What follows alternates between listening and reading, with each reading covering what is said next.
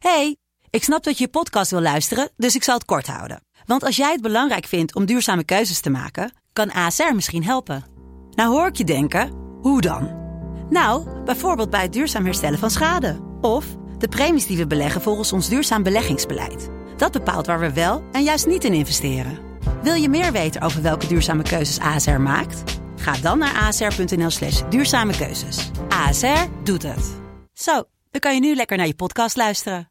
Hey, ik snap dat je je podcast wil luisteren, dus ik zal het kort houden. Want als jij het belangrijk vindt om duurzame keuzes te maken, kan ASR misschien helpen. Nou hoor ik je denken, hoe dan? Nou, bijvoorbeeld bij het duurzaam herstellen van schade. Of de premies die we beleggen volgens ons duurzaam beleggingsbeleid. Dat bepaalt waar we wel en juist niet in investeren.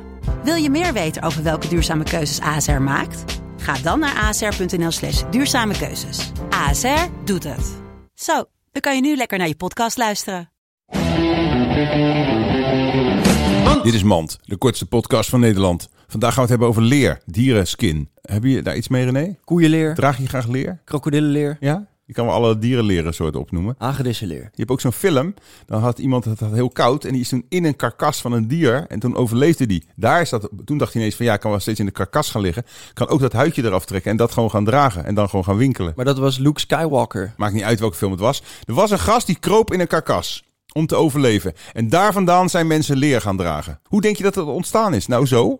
Want...